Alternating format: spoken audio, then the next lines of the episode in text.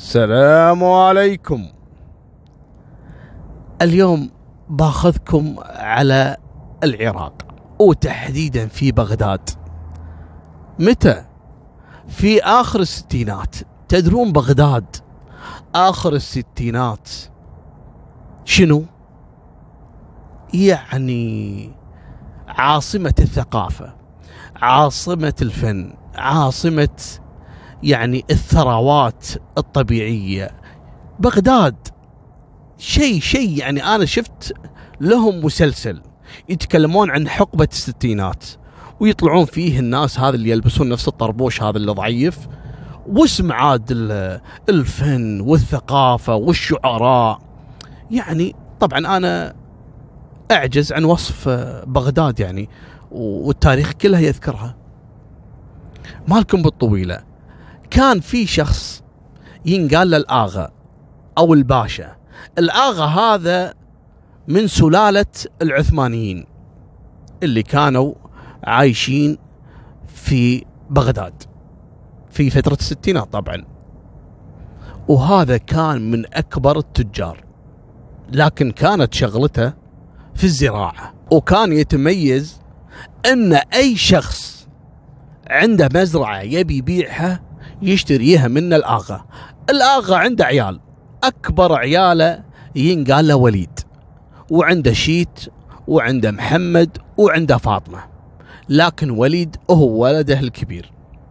واللي معلمة على الزراعة ومعلمة على التجارة والبيع وشراء الأراضي والتخزين وهالأمور هذه.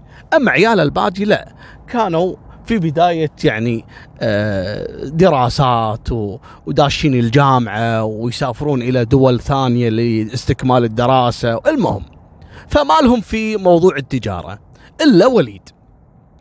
فالآغا أبو وليد هذا أي واحد عنده مزرعة يبي يبيعها يشتري منه كاش. يعني أي شخص محتاج فلوس بمجرد أنه يعرض على الآغا أنه يشتري منه المزرعة يشتريها بدون تردد وفلوسه جاهزة. وأنتم عارفين إذا الشخص عرض مزرعته أو بيته للبيع فتلقاه مضطر يعني فيبي الفلوس تكون جاهزة. وفي كثير من التجار أيامها ممكن إنه يعطيك نص المبلغ ويقول لك النص الثاني بعد شهر بعد شهرين لين يحصل يعني بعض الإيرادات. لكن كان الاغا فلوسه دائما جاهز لذلك أي شخص يبي يبيع مزرعته يعرضها على الآغا. لكن الآغا كانت عنده صفة شوية سيئة. إنه يستغل حاجة الناس. يعني مثلا لما تجي أنت ومحتاج تبي تبيع مزرعتك. ودائما المزارع ترى مستحيل يتخلى عن أرضه إلا في أمس الحاجة. وهو عارف هالموضوع هذا. فايش يقول لك؟ انت عارض عليه مثلا بيع المزرعة ب 10000 يقول لك لا أنا أشتريها منك ب 8000 وأخليك أنت اللي تزرعها. يعني تستفيد منها كأنها عندك لكن هي ملك لي. لذلك أغلب المزارعين يوافقون. منها ياخذ فلوس ومنها يستمر في الزراعة علشان يعيش أهله. وفعلا أغلب المزارعين يبيعوا له ويسوون هالطريقة هذه ويشتغلون عنده في الأرض اللي يبيعونها. ومرت الأيام ويجيه واحد ينقال سالم. سالم هذا وارث أرض من أبوه ملاصقة لأرض الآخ أبو وليد. فهو عارف أن أبو وليد يحب أن تكون الأراضي اللي حوالين أرضه ملك له. فقال أنا بستغله وبعرض عليه المزرعة بسعر غالي لأني أنا فعلا محتاج وأبي أوزع الورث على أخواني وأنا بحاجة إني أبني بيت حق أسرتي. وفعلا راح حق الاغا أبو وليد وقال له يا أبو وليد أنا عندي مزرعة الفلانية وأنا جارك في المكان الفلاني. قال إي نعم أعرفك حياك الله. قال أنت تعرف هذه أرض ورثة وأنا بعرضها عليك لكن ببيعها بالسعر الفلاني. الاغا استغرب قال مزرعتك يعني ما تسوى هالمبلغ هذا. قال أنا عارف بس هذه يعني مجاورة لك أحسن ما يأخذها واحد ثاني بعدين يغثك وكذا أفهم. الاغا هني عصب قال أنت يعني قاعد تستغلني يعني. خلاص أنا ماني شاري الأرض. روح شوف لك واحد ثاني يعطيك الفلوس اللي أنت تطلبها. هذا الولد سالم عارف إن ما حد من التجار عنده هالمبلغ كاش وكلهم يأجلون فيه. فكان يعني مضطر إنه يبيع حق الآغا أبو وليد. قال له يا أبو وليد زين نزل شوي. قال له لا تبي بالسعر الفلاني تبي ولا ما تبي؟ قال له مستحيل وهالكلام. قال له خليك تشتغل بنفس الأرض وأعطيك هالمبلغ. المهم بعد مباحثات بينهم وشد وجذ وافق سالم مضطر إنه يبيع الأرض علشان يخلص وعلشان يسد الحاجة اللي عنده وعند إخوانه. وفعلا باع الأرض واشتغل فيها مزارع. بعد ما راح وصرف الفلوس ووزعها على اخوانه وبنى بيت وصار ما عنده ولا فلس غير أجرته في زراعة الأرض اللي باعها حق الآغا بدا يحقد على أبو وليد. قال هذا الحقير خذ أرضي بالسعر والناس تقول لي إن هذا السعر أصلا قليل جدا بحق الأرض. والحين أنا صرفت كل الفلوس وصرت عنده عامل أجير فحقد عليه. قاعد تطبخ معاه القصة هذه تاكل وتشرب معاه. شلون أنا سويت كذي؟ شلون فرطت بالأرض؟ المهم فقرر إنه ينتقم من الآغا. لا قال أنا مو بس أنتقم من الآغا أنا بنتقم منه وأسرق منه اللي هو ثقة البيت. العقد اللي صار بينه وبين الآغا. ممكن إني احصله عنده وأمزقه وخلاص وترجع للأرض. ومنها أقتل الآغا بدون ما حد يدري. قاعد يبحث شلون الطريقة اكتشف إن الآغا دائما ينام في المزرعة اللي داخل بيته. عنده بيت ما شاء الله قصر كبير في بغداد وحوالينه سور وداخل هالسور حديقة كان ينام فيها الآغا وتعرفون فترة الستينات يعني المكيفات قليلة جدا يمكن حتى كانت بداية ظهورها يعني. فكان الجو كذلك يعني بارد في هالدول هذه. فحاط له الآغا مثل السرير أو التخت اللي عليه الناموسة. الناموسة هذه مثل الشبك اللي يحطونه على سراير الأطفال علشان ما تجيهم الناموسة والحشرات وهو نايم. فحاط الاغا سريرة في وسط هالمزرعة وحاط فوق الناموسه وينام فيها البراد ويجي ذاك اليوم سالم ويتسلق سور بيت الآغا وفعلا لقاه مثل ما كان يدري إنه ينام في وسط الحديقة داخل البيت. المهم جاله شوي شوي وعارف إن أسرته وعياله كلهم نايمين داخل البيت. وجايب معاه مثل قطعة القماش وحاط فيها ماي وعلى طول حطها على وجه الآغا وهو نايم وضغط عليه بقوة إلى أن تأكد أن الآغا فارق الحياة. بعدين قاعد يبحث يحاول يدخل البيت لكن سمع أصوات و...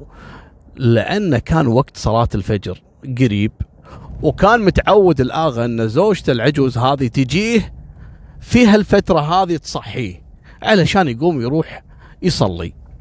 أول ما سمع سالم صوت زوجة الآغا هرب من البيت وترك كل شيء وطلع. جت زوجته تصحي الآغا. مستغرب إنه تأخر في النوم يعني. مو عادته إنه يقوم بكر حق الصلاة. هو صحيح كبير في العمر لكن كان نشيط. تعرفون شياب أول؟ يعني متعلمين على الخير يعني على العسل وعلى الأكل الطبيعي مو مثلنا الحين يعني خلاص يعني. المهم مالكم بالطويلة. تصحي الآغا ما له حس ولا خبر. قامت تضغط عليه تصحيه وكذا.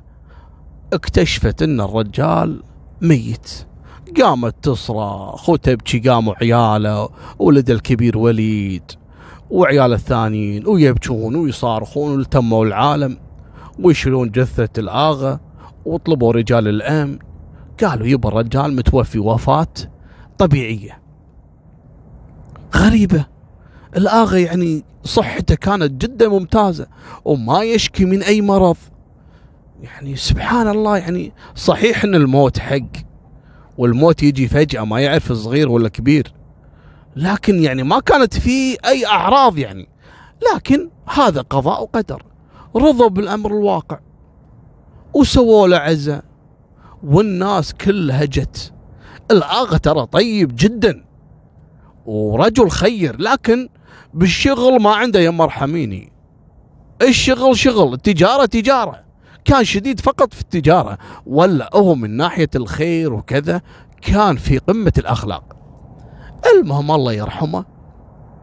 ما عرفوا شنو سبب وفاته وبدا ولده وليد واستلم كل حلال ابوه أبوه ترك له مزارع ومخازن وحلال من رب العالمين. ووليد الوحيد اللي يفهم في أمور التجارة وإدارة المزارع اللي أبوه اشتراها وعنده علم فيها. أما أخوانه الثانيين لا مشغولين في الدراسة وغيره. المهم صار وليد هو الكل بالكل وهو رب الأسرة وهو اللي يدير شؤون بيتهم. راحت الأيام وجت الأيام اكتشف وليد إن المزرعة اللي اشتراها أبوه من سالم ما في أحد يعني يرعاها ولا أحد يزرعها. طلع سالم بعد ما قتل الاغا هرب من المدينة وراح مدينة ثانية. لكن ما كان يدري وليد انه كان سالم هو اللي يشتغل فيها. المهم راح جاب له واحد من العمال وقال له اشتغل في الأجرة الفلانية قال OK واشتغل فعلا. بعد فترة وتمر سنين سالم ما حس بالذنب. لا بالعكس كان حاقد يقول أحسن زين سويت فيه خله يروح هذا اللي سرق أرضي هذا اللي كذا. صرف الفلوس اللي عنده كلها وما عنده شيء. ولا والحين حتى الاجره اللي كان ياخذها من الآغا نظير زراعته للأرض اللي باعها له خلاص انقطع الأجر. فصارت حالته المادية تعبانة. رجع إلى مدينته. قالوا له انت وين رحت؟ وين؟ قال والله دورت شغل ما خليت مدينة ما خل... قالوا ليش ما اشتغلت عند الآغا؟ قال الآغا أنا سمعت إنه توفى يعني. قالوا اي روح حق ولده وليد. ففكر قال يعني ما حد يدري إني أنا قتلت أبوهم. فعلا راح حق وليد. مرحبا عمي شلونك؟ هلا حياك الله. قال يا عمي أنا بعت الأرض على أبوك في قبل كم سنة قبل لا يتوفى الله يرحمه وأبي أشتغل عندكم. قال إي زين. إيش تبي تشتغل؟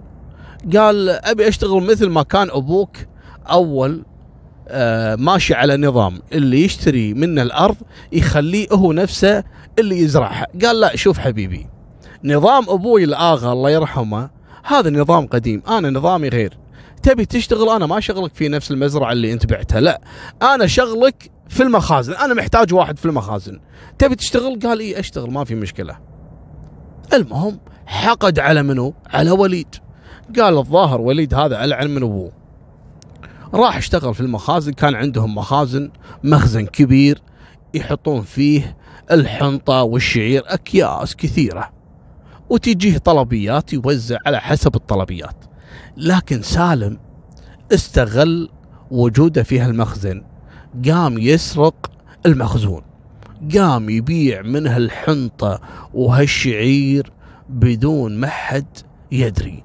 وليد مشغول في المزارع والأملاك اللي قام يعني يتولاها بعد وفاة أبوه. ومو فاضي حق المخزن ولا ولأن سالم يعني كان جارهم سابقا فقال هذا أقرب شخص ممكن أأمنه على المخزن. لكن سالم درع بالمخزن درع قام يبيع وياخذ الفلوس ويحطها في جيبه. كان جار المخزن واحد ينقال أبو مسعود. أبو مسعود كان كل يوم يطلع من بيته ويشوف المخزن المخزن قريب من بيته. ويشوف بالليل ساعة ثنتين ثلاث سالم فاتح المخزن ويحمل بهالأكياس في سيارات النقل شاحنات الصغيرة هذه. أكياس شعير أكياس حنطة ومستغرب أن التحميل دائما يكون وبشكل مستمر وقت الليل. يعني الناس نايمة وهذا يبيع بالشعير ويبيع بالحنطة وشيء غريب يعني. فكان شاك بالموضوع. فراح حق وليد. قال يا وليد أنا أعرف أبوك عمر ومخزنكم القريب من بيتي. أنا كنت دائما يعني أحط عيني وأعرف يعني نظام الشغل فيه وكذا. لكن يا ولدي أنا أبيك يعني تنتبه على حلالك عينك على حلالك دوة حط عينك على المخزن. قال يا عمي ليش؟ شنو فيه قال لا بس أنا ما أبي أظلم أحد لكن أبيك تنتبه على المخزن.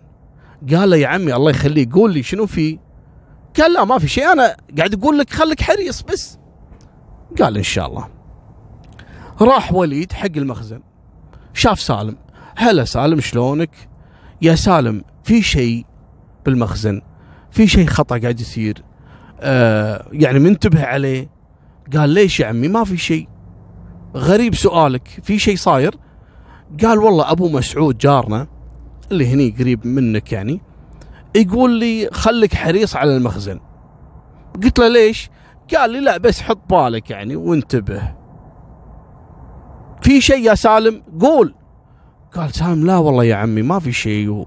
أبو مسعود رجال كبير يعني يمكن ما يشوف عدل يمكن كذا يمكن متوهم. قال المهم حط عينك على المخزن مضبوط. أبى أشوف وأتأكد من كلام أبو مسعود. قال له حاضر. هني سالم عرف إن أبو مسعود يراقبه. قال دام إن الموضوع وصل لهالحال هذه خلني أبيع بسرعة بسرعة وأنتبه من أبو مسعود لا يكشف الموضوع. المهم الليلة اللي بعدها فعلا قام سالم ويجمع هالشاحنات بسرعة بسرعة شيلوا وحملوا وعلى طلعة أبو مسعود وشافه راح له. قال له يا سالم الحين الساعة ثنتين بالليل. قال هلا عمي هلا حياك الله. إي أدري الساعة ثنتين بالليل. قال له شنو هالشاحنات. أنت ما تبيع إلا بالليل؟ غريبة يعني.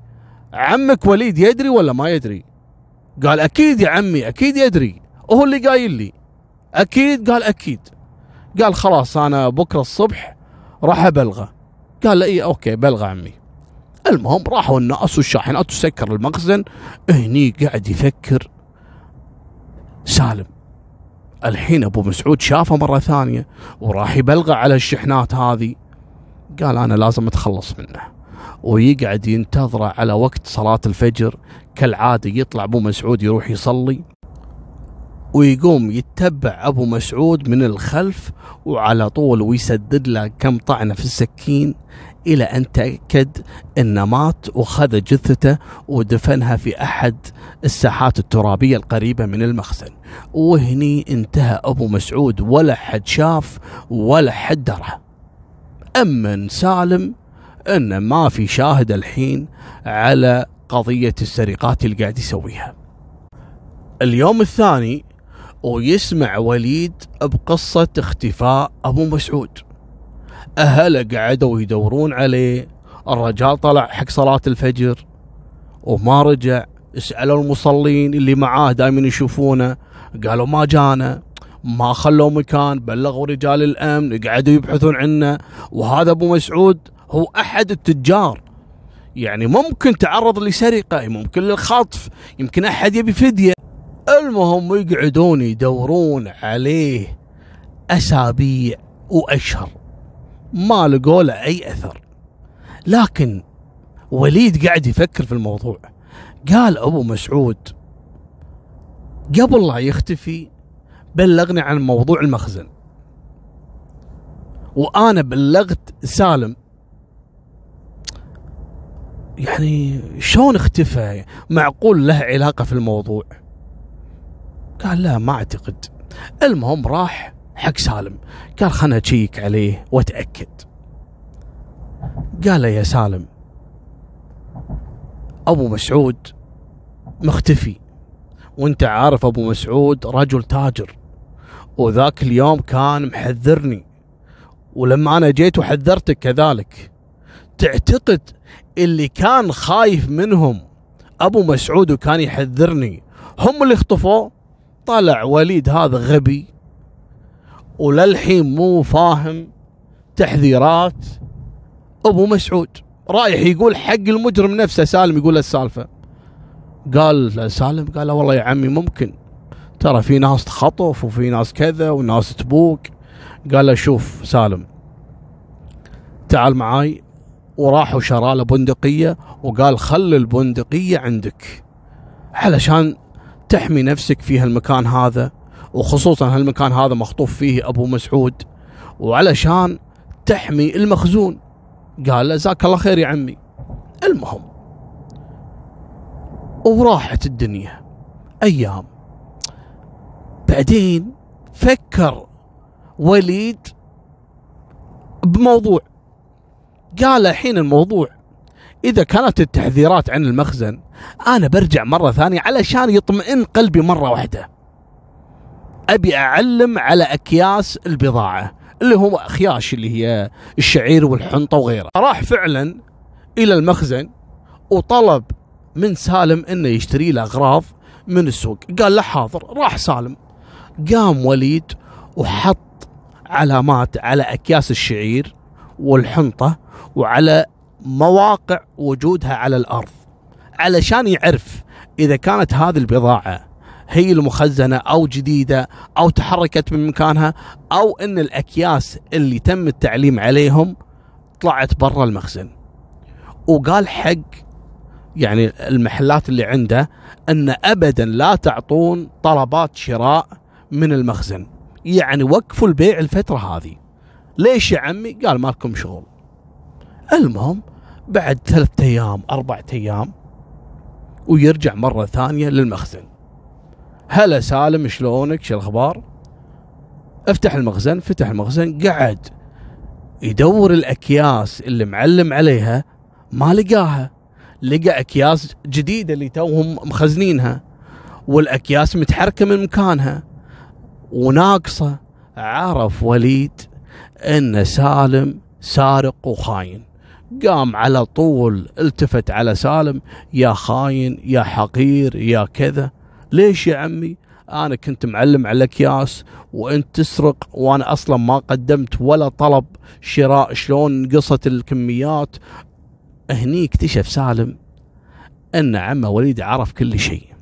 على طول راح طلع البندقية اللي ما اللي اشتراها له نفسه عمه ويطلق عليه النار ويقتله بطلقتين وقام خذ جثة وليد ورماها في أحد المناطق البرية لكن ما أسعفها الوقت انه يدفنها يبي يرجع مرة ثانية للمخزن علشان يمسح الآثار الدم وكذا يضبط الأمور داخل المخزن. رمى الجثة وقال الكلاب تاكل الجثة وما حد يدري عنه. ورجع.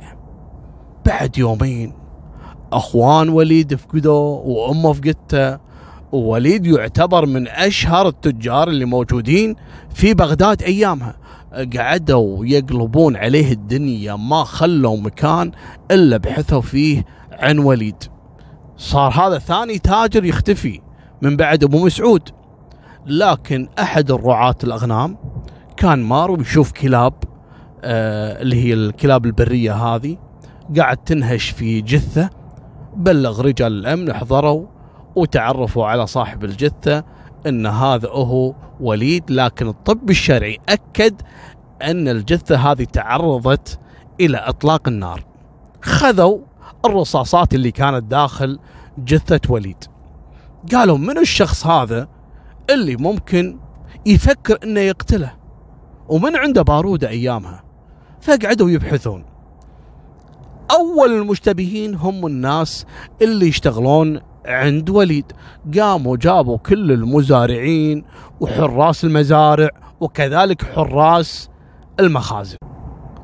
اسألوهم منو اللي عنده بندقية كلهم قالوا ما عندنا. وعمي وليد أصلا ما يعطينا أسلحة لكن مرة واحدة شرى حق المخزن لأنه كان سامع أنه في أحد يسرق أو شيء كذي. وسلمه حق سالم. قال وين سالم؟ قالوا سالم إحنا بلغناه أن رجال أمن يبونه وما حضر قال أنا راح أجيهم بعد شوي. المهم يروحون حق سالم ويلقون القبض عليه داخل المخزن. يا سالم وين السلاح اللي عندك؟ طلع لهم بندقية. هذه البندقية ترى مو لي عمي اللي شراها لي. قالوا اي ندري إن عمك شراها لك. افحصوها ولا الرصاصات اللي موجودة في جثة سالم مطابقة للرصاصات اللي تستخدم لنفس البندقية. قالوا لا أنت اللي قتلت وليد اعترف مني منك الرجال. راح تقولوا لي يا أبو طلال ها لا تقول انهار. إي نعم انهار وبطل جربه. قال لهم يبا أنا اللي قتلته وقتلته بعد ما اكتشف سرقاتي وكذا وكذا. قالوا لا أجل شنو علاقتك في أبو مسعود؟ وين أبو مسعود؟ لأن قضية كانت مسجلة ضد مجهول. اعترف قال خربانة بعد معدوم معدوم أنا. قال يبا أبو مسعود هو اللي شافني وأنا أسرق أول مرة وبلغ عمي وليد ولما عمي وليد بدأ يشيك علي أنا قتلتهم اثنيناتهم صراحة. قالوا لا يعطيك العافية احكموا عليه بالإعدام. قبل لا ينفذون فيه حكم الإعدام. سالم خلاص يعني. تعرفون يا ماخذ الروح وين تروح؟ وأنتم عارفين اللي بينعدم على جريمة قتل عارف شنو مصيره في الآخرة؟ راح يتحاسب. فقال على الأقل خلني أكفر عن ذنوبي. يعني أنا معدوم معدوم. يعني مو فارقة إني أقول لهم قصة الآغا اللي قتلته قبل سنين. راح بلغ حراس السجن أبى أكلم القاضي الله يخليكم قبل لا تعدموني. قالوا لا أوكي بلغوا القاضي أو يعني الممثل المحكمه اللي يعني راح يشرف على موضوع الإعدام قال له اي آمر يا سالم إيش تبي؟ قال له أنا بعترف عن قضية قديمة قال له شنو القضية؟ قال في السنة الفلانية أنا بعت الأرض على الآغا أبو وليد وخذاها مني بسعر قليل وأنا صراحة يعني أقدمت على قتله وهو نايم هني اكتشفوا أن أبو وليد الآغا أو الباشا الله يرحمه توفى نتيجة يعني اختناق وليس يعني وفاة طبيعية. وهني طبعا هم قالوا لا ترى مو فارقة ويانا. اعترفت ولا ما اعترفت؟ أنت أصلا راح نقص رقبتك وفعلا تم تنفيذ حكم الإعدام فيه. ما أدري عاد بالستينات شنقوه ولا قصوا رقبته عاد يمكن يعني تعرفون البلدان تختلف يعني. هذه نهاية سالفتنا. ولا تنسون الله لا يهينكم. الاشتراك في قناتكم. سوالف طريق وفمان الله مع السلامة.